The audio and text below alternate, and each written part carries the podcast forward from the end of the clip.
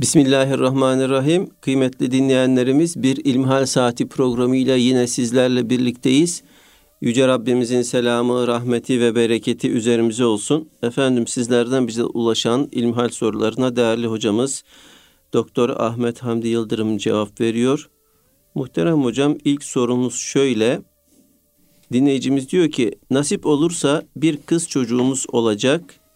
Elif ismi koymayı düşünüyoruz ama bazı İslam alimleri müteşabih ayetlerde geçen elif harfinde Allahü Teala'nın kendi zatını kast ederek söylediğini ve uygun olmadığını ifade ediyorlar. Bu doğru mudur? Bunun haricinde önerebileceğiniz kız çocuk isimleri var mıdır? Allah'a emanet olunuz diyor. Buyurun efendim. Elhamdülillahi Rabbil Alemin ve salatu ve selamu ala Resulina Muhammedin ve ala alihi ve sahbihi ecmain. Tabi isim koyma meselesi önemli bir mesele. Evlatların, çocukların ana babaları üzerindeki en önemli haklarından bir tanesi onlara güzel isimler koymalarıdır. Binaenaleyh Cenab-ı Allah bir çocuk lütfetti mi ki evlat büyük nimetlerden biridir. Fakat o büyük nimetin beraberinde de büyük riskler söz konusudur. Evlatlarımızı Allah'ın Azze ve Celle'nin, peygamberinin emirlerine doğru göre yetiştirmemiz, bu doğrultuda onları terbiye etmemiz gerekir. Elbette biz elimizden gelen gayreti yapmakla yükümlüyüz. Neticeyi lütfedecek olan, bahşedecek olan Cenab-ı Allah'tır. Neticenin nasıl olacağına dair bizim bir dahlimizin, bir etkimizin olması söz konusu değil. Ama evlatlarımız bizleri görerek yetişeceklerdir. Bizleri taklit ederek büyüyeceklerdir. Dolayısıyla onlara güzel örnek olabilirsek, üsve-i hasene olabilirsek, güzel örnek olabilecek ortamlarda onları yetiştirirsek, güzel arkadaşlar, güzel aileler, güzel komşular, güzel insanlarla bir ve beraber olursak, birliktelik temin etmeye çalışırsak, gayret edersek onların elbette yetişmeleri İslam'a uygun bir yetişme olacaktır.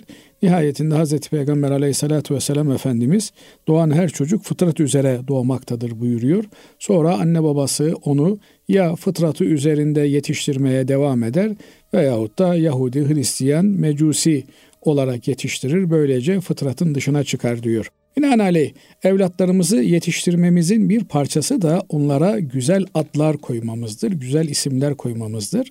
Çünkü isim müsemmayı çağrıştırır derler. Yani verilen adlar o ad verdiğimiz kimse ile bir yakınlık oluşturur. Düşünsenize e, çocuğunuza mesela ejderha ismini koydunuz. Çocuk bu ejderha kelimesinin manasıyla bir müddet sonra bütünleşmeye başlıyor. Efendimiz Aleyhisselatü Vesselam da e, çocuklara kötü anlamlar çağrıştırabilecek şeyler konulduğunda bunlara müdahale etmiş. Vurdulu, kırdılı isimler konulmasını istememiş. Daha çok ahlakın güzelliğine vurgu yapan isimler konulmasını istemiş. İsim tercihinde de e, Abdullah, Abdurrahman gibi abd kelimesi geçen çünkü biz nihayetinde Allah'ın yarattığı kullar olarak temel vazifemiz, temel yaratılış gayemiz Allah'a kulluktur. Rahman'ın kulu, Allah'ın kulu, Abdülhakim, hakim olan Allah'ın kulu gibi abd kelimesi geçen isimlerin veya hamd kelimesi geçen Muhammed'dir, Mahmud'dur, Ahmet'tir bu tür isimlerin korunmasını Efendimiz Aleyhisselatü Vesselam bizlere tavsiye etmiş. İsim koyarken bir takım temel kriterler var. Bu münasebetle elhamdülillah nüfusumuz artıyor, artmaya devam edecek. Ee, inşallah nüfus artış hızımızı daha ileri seviyelere çekeriz. Çünkü yapılan istatistikler gösteriyor ki anne baba karı koca iki çocuk yaptıklarında nüfus artışı ortalama olarak düşmeye başlıyor. Üç çocuk olduğunda aile başına o zaman nüfus artışı stabil olarak kalıyor. Yani ne artış var ne eksilme var. 4 ve üstü çocuk olduğunda nüfus artışı ilerliyor. Nüfusun artması Efendimiz Aleyhisselatü Vesselam'ın bizlere tavsiyesidir. Ümmeti Muhammed'in çoğalmasını istiyor Efendimiz Aleyhisselatü Vesselam. Tekâferu buyuruyor. Çoğalınız diyor. Fe inni mubahin bikumul umeme yevmel kıyame. Ben kıyamet gününde sizlerin çokluğuyla diğer ümmetlere karşı övüneceğim diyor. Yani bunu bir iftihar meselesi, övünç meselesi yapacağım diyor. Çoğalınız ifadesinin içerisine hem çocuk sayınızı artırınız, nüfus olarak, kemmiyet olarak, sayı olarak çoğalınız var girmektedir. Hem de keyfiyet olarak yani kaliteli Müslüman olarak çoğalınız. Müslümanlığınızın kalitesini artırınız. Böylelikle hem kendiniz e, kaliteli bir Müslüman olma yolunda çaba gösteriniz. Hem de diğer insanların Müslüman olmaları için gayret ediniz. Diğer insanların hidayet bulması için gayret ediniz. Böylece ümmeti Muhammed'in sayısını artırınız. Bu yönüyle de Müslümanların çocuklarına koydukları adlara dikkat etmeleri gerekiyor. Bu noktada belki söylenebilecek temel meseleler Efendimiz Aleyhisselatü Vesselam'ın tavsiye ettiği bu ana isimlerin yanında isim ya manasından dolayı tercih edilmelidir. Efendim güzel bir anlam çağrıştıran bir isim olabilir ee, veya tarihte özdeşleştiği lazımı gayri müfarik olarak anıldığı şahsiyetten dolayı konulabilir. Mesela Ömer ismi, Ebu Bekir ismi, Osman ismi, Ali ismi, sahabe efendilerimizin isimleri. Bu isimler tarihi şahsiyetler olarak İslam'a büyük hizmetleri geçmiş isimler olduğu için bu isimleri koyduğumuz evlatlarımızın o tarihi şahsiyetlerin kaderinden nasip almalarını, onlar gibi tarihi bir muhteva kazanmalarını istemiş oluruz. Bu dua ile, bu niyazla efendim çocuklarımıza bu adları koyarız. Mesela evlatlarına Salahaddin ismini koyanlar, Salahaddin Eyyubi gibi Kudüs Fatihi olmasını bekleyerek ve çocuklarına bu ismi koyarken de Cenab-ı Allah'a bu niyazla, bu dua ile bu ismi koymalılar. Yine efendim Fatih ismini koyanlar Sultan Fatih Mehmet gibi İstanbul'u fetheden nice küfür diyarlarını fethedecek olan çocuklarına bu ismi koymaktadırlar. Efendim Hamza ismini koyanlar sahabi efendilerimizin ulularından büyüklerinden olan İslam'ın kılıcı olan Allah'ın kılıcı olan Hazreti Hamza'ya teyemmünen onun ismini çağrıştırsın, andırsın diye Hamza ismini koymaktadırlar ki benim evladım da İslam'ın kılıçlığını yapsın, İslam'ın savunuculuğunu yapsın diye düşünmektedirler. Evlatlarına Hatice ismini koyanlar Hazreti Hatice validemize, Hazreti Ayşe validemizin e, karakterine bürünsün, öyle ümmete faydalı işler yapsın. Genç yaşta bütün ümmeti tenvir edebilecek, aydınlatabilecek bir ilim ve irfana sahip olsun diye Ayşe ismi koyanlar, Efendimizin hanımlarından Hafsa ismini, Sevde ismini, diğer hanımlarının ismini koyanlar böylelikle sahabi efendilerimizi hem bu isimlerle anmış olmaktadırlar hem de bu sahabi efendilerimizin maddi manevi ruhaniyetlerinden evlatlarında birer nasip almasını arzu etmektedirler. Bu noktada bir ara özet yapacak olursak isim ya Efendimiz Aleyhisselatü Vesselam'ın tavsiye ettiği isimlerden olmalıdır. Ya tarihi şahsiyetlerden, peygamberlerden, Kur'an'da adı övgüyle geçen kimselerden birinin ismi olmalıdır ki o şahsiyetlerle bir bütünleşme, bir aynileşme, bir inikas, bir yansıma söz konusu olabilsin. Veya kendisi isim olarak güzel bir anlam taşımalıdır. Sözlükte, lugatta efendim her görüldüğünde mesela Enis ismi efendim uysal, yumuşak huylu, herkesle arkadaşlık kurabilen candan bir anlama gelmektedir. Bu manada kardeşimizin sorduğu Elif ismi de e, eğer Elif diye çekilecek olursa uysal, uyumlu, herkesle ülfet kurabilen bir anlama gelmektedir. Ülfet kökünden gelmektedir. Nitekim ülfet kelimesi de Türkçemizde hanımlara koyulan, kızlarımıza koyulan adlardan bir tanesidir. Böyle isimler de e, kişilerde bir müddet sonra isimle aynileşme, o ismin inikası neticesini doğurmaktadır. Nasıl güzel isimlere sahip olan insanlarla, salih kimselerle oturup kalktığımızda onların salahları, bereketleri, iyilik halleri bize sirayet ediyorsa bir kimse de güzel isimle anıldığında hani Türkçemizde bir laf vardır Basri Hocam. Edebi deyişlerden 40 gün birine deli deseniz deli olur. Nasıldı tam şeyi? Doğru hocam evet. Yani bir kişiye 40 gün deli deseniz deli olur. E, binaenaleyh veli deseniz de veli olur. Bundan dolayı e, Kur'an-ı Kerim bize kötü lakaplar takmayı yasaklamaktadır. Çünkü kötü lakaplar taktığımız bu lakaplar bir müddet sonra o kişilerin bir sıfatı haline gelmektedir. Yani düşünün birinin ismi çirkin olsa çirkin gel, çirkin git, çirkin otur, çirkin kalk bir müddet sonra hakikaten adamın ahlakı da kendisi de çirkinlenmeye başlıyor veya çirkinliği kanıksamaya başlıyor artık. Yani ben nasıl olsa çirkinim diye bir çaresizlik içerisine e, girmeye başlıyor. Ama onun yerine güzel, iyi, salih isimler konulmuş olsa o kesim e, kimse mesela akıllı çocuğum diye bir evladınızı e, severseniz, yararlı evladım diye severseniz o akıllı ve yararlı hale geliyor bir müddet sonra. Ama yaramaz, huysuz, aksi diye sevmeye başlarsanız bir müddet sonra bakıyorsunuz ki o söylediğiniz lakaplar veya sıfatlar veya aşağılama ifadeleri o çocuğun üzerine yapışmış oluyor. Bundan dolayı isimlerimize dikkat etmemiz lazım. Bu arada yeri gelmişken bir şeyi de müsaadeniz olursa hatırlatayım. E, gazetelerimizde köşe yazarlarından bir tanesi isim vermeyeyim. İsmi e, İslam dünyasında Müslümanlar tarafından pek tanınan bir isim olmadığından muzdarip olarak nereye gitsem bana Müslüman mısın diye soruyorlar diyordu. Bundan dolayı ben çocuklarıma Muhammed, Ahmet, Mustafa, Mahmut gibi, Ali, Hasan, Hüseyin gibi bütün Müslümanların İbrahim, İsmail gibi bütün Müslümanların bilebileceği, tanıyabileceği isimler koymayı tercih ettim dedi. Kızlarıma da Fatıma, Hatice, Ayşe, Hafsa ve benzeri isimler koymayı tercih ettim ki bir Müslüman duyduğunda bir daha onun üstüne dönüp de sen Müslüman mısın değil misin diye sormasın diye. Fakat burada ismin e, evet tarihimizdeki e, şahsiyetlerden İslam'a hizmet etmiş, vatana, millete, dine hizmet etmiş şahsiyetlerden biri olması önemli. Bu anlamda illa Arapçada karşılığının olması da gerekmiyor.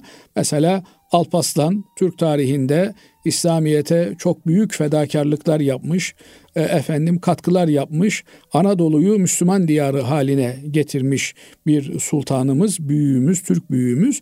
Bunun ismi de artık Müslüman literatürüne girmiş bir isimdir.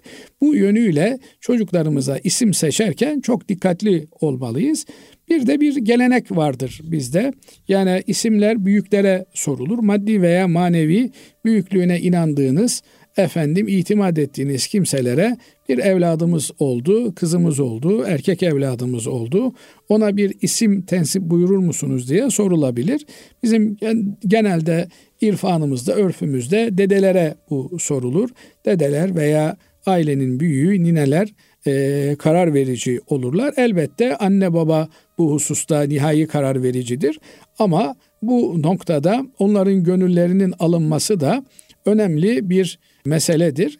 Ben herhangi bir isim tavsiyesinde bulunmaktan daha ziyade Elif ismini de koyabilir. Bu Elif isminin çekimsiz olarak kullanılması 29 e, harften bir tanesinin adıdır. Elif, B, T, S, Cim. Binaenaleyh bu elif neyi remzediyor, neye işaret ediyor üzerinde bin bir türlü yorum yapılabilir ama nihayetinde bunlar yorumdurlar. Bazı alimlerimiz elif la mimdeki elifin Cenab-ı Allah'ı remzettiğini söylemektedirler. Bu e, tefsir eliften lafzayı celal manası çıkartılmasını ve elif isminin Allah'ı temsil ettiği için herhangi bir insana konulamayacağının dile getirilmesi doğru bir çıkarım, doğru bir iştihat, doğru bir görüş olarak görünmüyor. Binaenaleyh elif uyumlu anlamına geliyor, uysal anlamına geliyor, cana yakın, sıcakkanlı anlamına geliyor. Bu anlamıyla elif veya elife ismi konulabilir. Burada elif ismi erkek ismi midir, kız ismi midir meselesinde Türkçemizde e, kız ismi olarak kullanılmaktadır. Bu gibi noktalarda e, yaşadığımız yerlerdeki örf, adet, gelenek, kullanım temel kriter olarak kabul edilebilir. Evet hocam Allah razı olsun. Şimdi ikinci sorumuz şöyle e, değerli hocam. 245 kilometre şehir dışında bir bahçemiz var. Evimiz yok. Günübirlik gidip geliyoruz. Orada seferi oluyor muyuz? Şimdi seferilik hükümlerinde temel bir takım kurallar var. Bunlar zaman zaman karıştırılabiliyor. Öncelikle şunu ifade etmek gerekiyor ki sefer demek e, vatandan ayrı düşmek demek, vatandan ayrılmak demek. Buna göre kişinin bir vatanı olması lazım. Vatandan maksadımız da daimi bir ikametgahının olması lazım gelir. Biz buna fıkıh literatüründe vatani asli diyoruz. Yani bir kimsenin daimi e, ikametgahı yaşamaya, posta adresi olarak kullanmaya devam ettiği adresi bugün işte e, devletin e, Mersis sistemi mi var? Böyle bir sistemde e, herkesin adresi kayıtlı.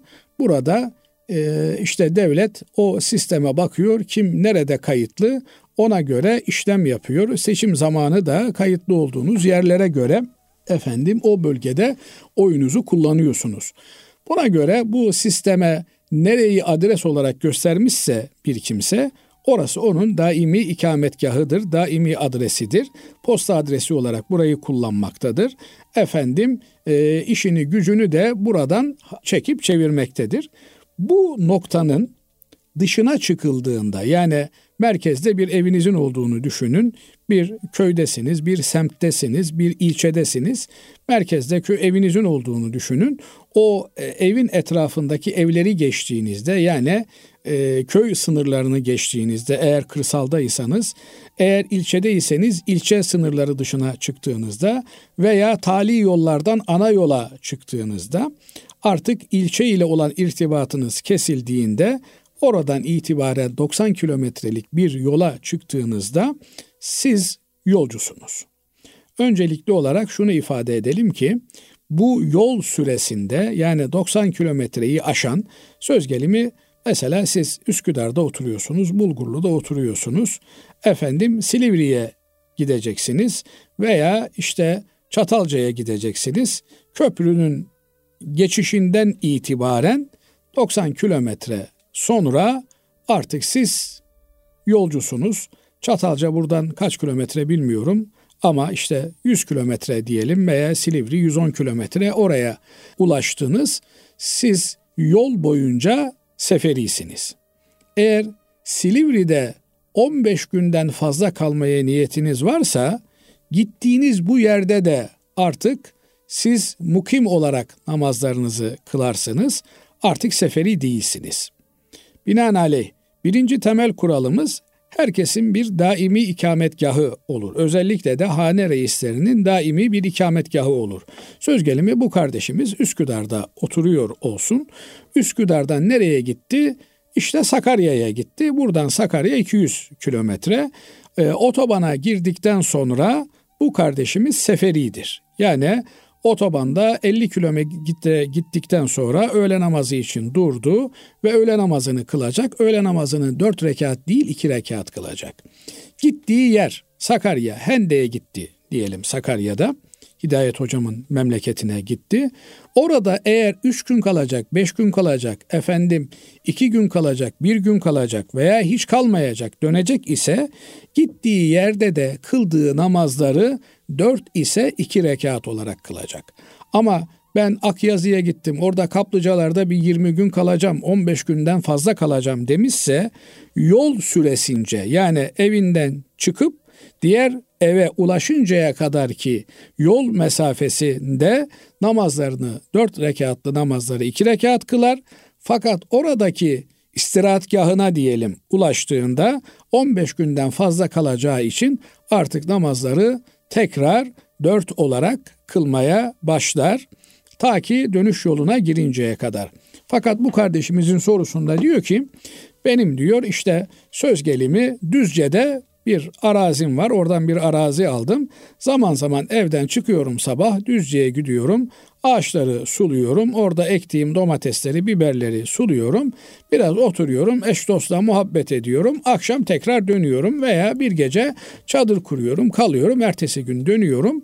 Böyle durumda bu kardeşimiz evinden çıktığı andan itibaren yani otobana girdiği andan itibaren tekrar otobandan çıkıp evine gelinceye kadar ki süreç içerisinde hem yol süresinde hem de vardığı yerde oturup kalktığı sürede yolcu hükmündedir, seferi hükmündedir.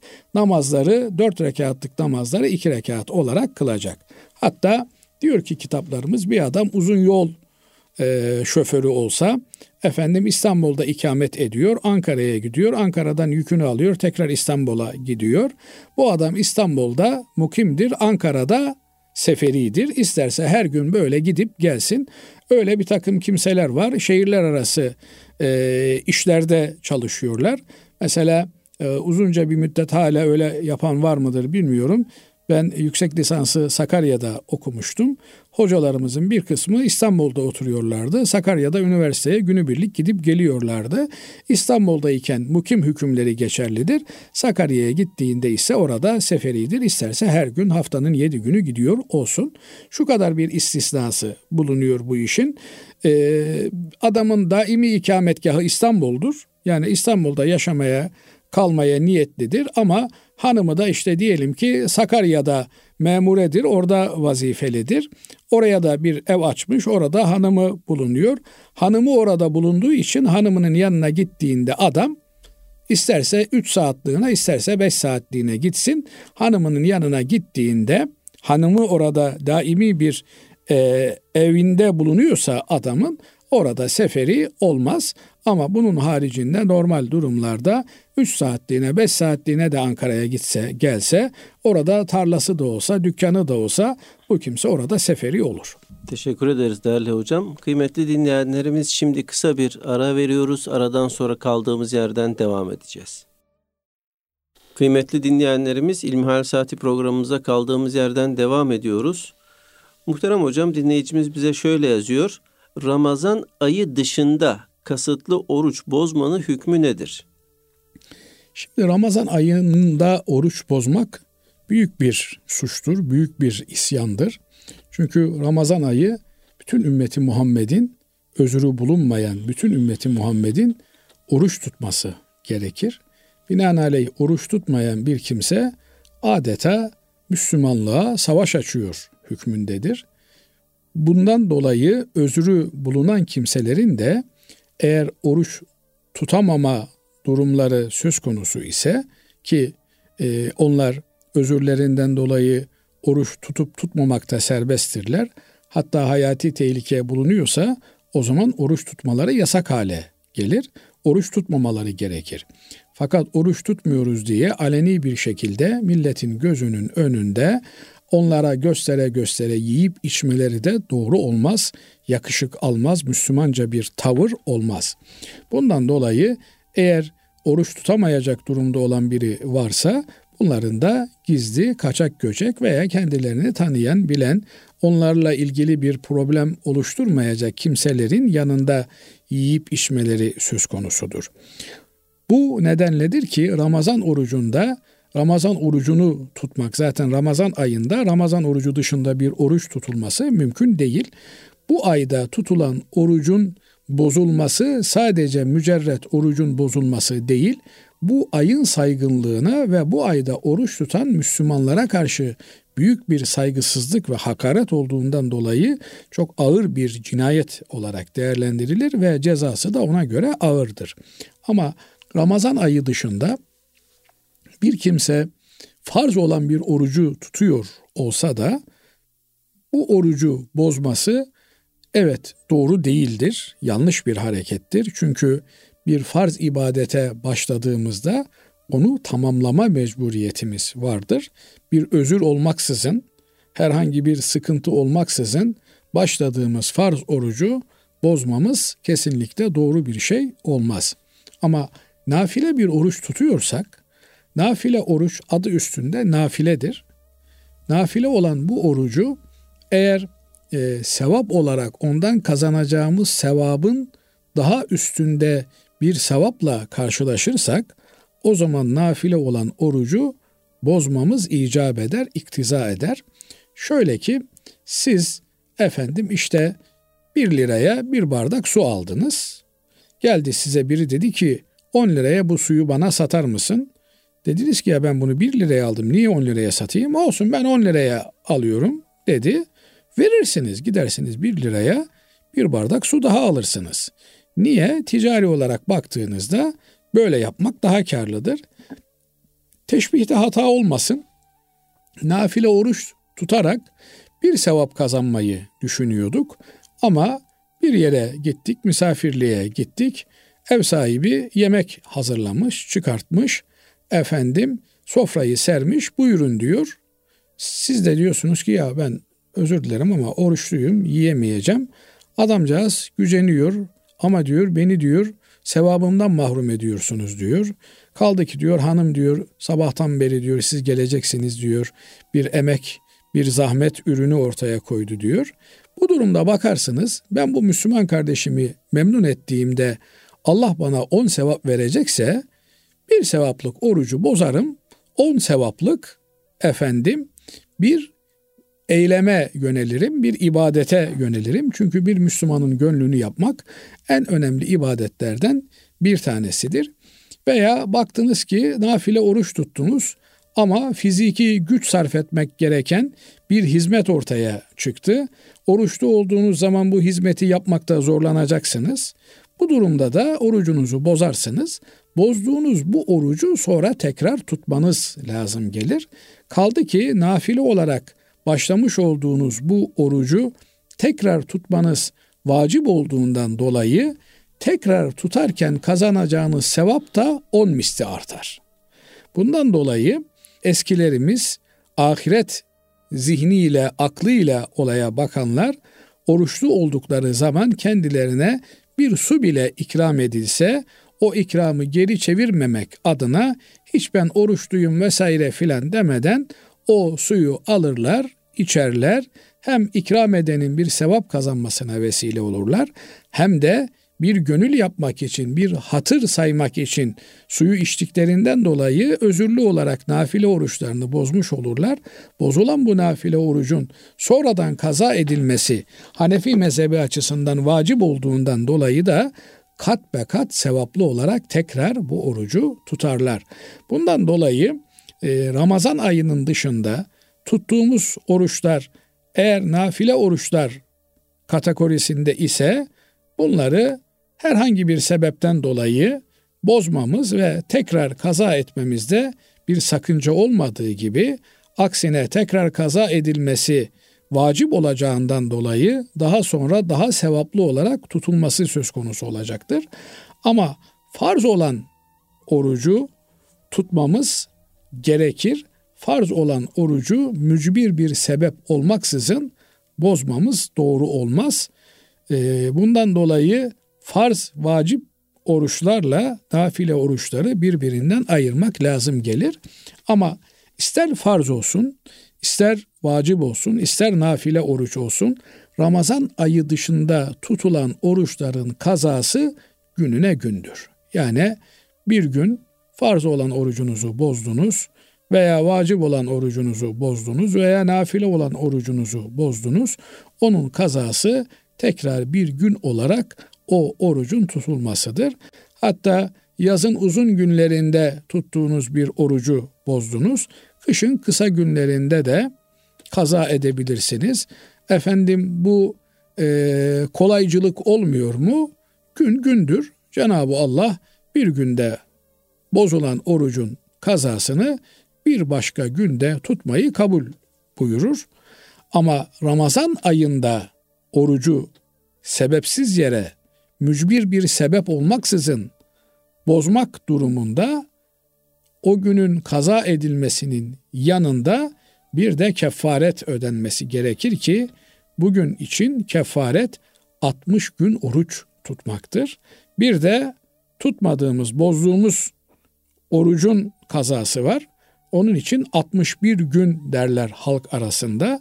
Binaenaleyh Ramazan ayında oruç tutmak için mücbir bir sebep olması, bayılacak kadar insanın rahatsızlanması veya bir ağrının bir sızının içerisinde olması veya benzer sebeplerden birinin olması halinde ancak Ramazan ayında bir Müslüman e, orucunu bozar. Onun haricinde yok efendim e, ağır işte çalışıyorum, yok efendim imtihanım varmış, yok efendim ben e, mülakata gireceğim, görüşmeye gireceğim, efendim şöyleymiş, böyleymiş diye herhangi bir dünyalık sebeple mücbir olmadıkça Yani mücbirden kastımız kişinin hayati bir tehlikesi ortaya çıkmayacağı sürece ama olur ki zalim biridir, dinsiz, imansız, gavur biridir. Ya ölürsün ya bu suyu içersin diye böyle mücbir bir tehditle karşı karşıya bırakmıştır insanı. O zaman hayati tehlikeden dolayı ruhsat olarak kişi orucunu e, açabilir, bozabilir. Ama böyle yok bir durum söz konusu değilken keyfe keder arkadaşlar çağırdılar. Yok efendim filanla görüşme yapacağım imtihan var zihnimin derli toplu olması lazım türünden eften püften sebeplerle oruç bozmak 61 gün tutmayı gerektirir. Bu açıdan dikkatli olmak lazımdır. Evet Allah razı olsun kıymetli hocam. Efendim şimdi kocasından boşanan kadının beklemesi gereken süre ne kadardır ve hangi evde bekleyecektir diye soruluyor. Şimdi iddet dediğimiz Türkçe'de saymak anlamına gelen bir fıkhi meseledir. Ölmüş olan, kocası ölmüş olan kadının bekleyeceği süre veya kocasıyla arasındaki evlilik bağının kopmuş olan, boşanmış olan kadının bekleyeceği süre.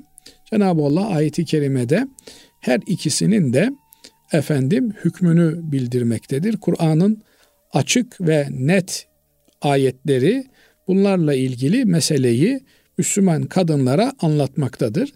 Birincisi kocası ölmüş olan kadın ister gençken ölmüş olsun yani 20'li yaşlarda evlenmişler. E, kocası kadının 20'li yaşlarda vefat etmiş. İsterse de 80-90 yaşında 100 yaşında vefat etmiş olsun kocası. Şundan dolayı diyorum bazıları bu iddet beklemeyi Basri Hocam e, kadının hamile olup olmamasının anlaşılması üzerinden anlamaya çalışıyor. Buna göre efendim 20'li yaşlarda, 30'lu 40'lı yaşlarda hatta 50'li yaşlarda kocası ölmüş olan bir kadının kocasından hamile olup olmadığı meselesinden dolayı 4 ay 10 gün iddet beklemesinin bir anlamı vardır diyorlar. Bu yanlış. İsterse 100 yaşında kadın olsun, adam da 101 yaşında olsun ve 101 yaşında vefat etmiş olsun. Her halükarda ayetin hükmü açık ve net. Aralarında evlilik bağı varken yani bunlar karı koca iken kocası ölmüş ise kadının 4 ay 10 gün iddet beklemesi gerekir. İsterse koca 20 yıllık mahkumiyet süresi sonunda ölmüş olsun. Yine 20 yıldır görüşmüyorlar. Karı koca hayatları yok. Zaten biri hapiste, diğeri evinde. Öldüğü haberi geldikten sonra, kadına ulaştıktan sonra 4 ay 10 gün iddet beklemesi gerekir. Binaenaleyh bu iddet beklemenin efendim temelinde kadının hamile olup olmaması meselesi bulunmamaktadır. Bu hükmün temelinde evlilik süreci içerisinde iken yani bunlar karı koca iken eğer adam vefat etmişse, ölmüşse kadının 4 ay 10 gün iddet beklemesi lazım gelir. Yine evlilik süresi içerisinde ki boşanma başka türlü olmaz. Karı koca boşanmışlar. Adam kadını boşamışsa, ayrılmışlarsa burada da kadının iddet beklemesi gerekir. Burada ki süre 3 adet dönemidir. Bu da özetle 3 ay etmektedir. Bunun detayları, tafsilatları söz konusudur ama bir radyo programında bunun tafsilatlarını anlatsam da bu iş başına gelen kimseler bu detayları hatırlayamayabilirler. Binaenaleyh kocasından ayrılmak üzere olan kadın ayrılma ile ilgili hükümleri, ayrılık hükümlerini bir bilene danışmalı bir hoca hanıma ki elhamdülillah bugün Diyanetimiz hemen hemen her semtte birçok vaize hoca hanım görevlendirmekte. Yine irşat büroları bulunmakta. Fetva bürolarında hanım hocalarımız görev yapmakta. Müftülerimiz görev yapmakta. Bunlara başına boşanma hadisesi gelmiş olan bir kardeşimiz boşanmanın öncesi ve sonrası ile ilgili hükümleri sormak durumundadır. Bunlardan bir tanesi de iddettir. İddet nedir? Az önce de ifade ettiğim üzere iddet saymak demektir. Kocası ölmüş olan kadın 4 ay 10 gün, efendim kocasından boşanmış, ayrılmış olan kadın da özetle muhtasaran söylüyorum 3 ay gibi bir zaman dilimi ki bu iki buçuk ayda olabilir, bazen dört ayda, beş ayda olabilir. Çünkü adet süreleri, efendim temizlik periyotları kadınların değişebilir.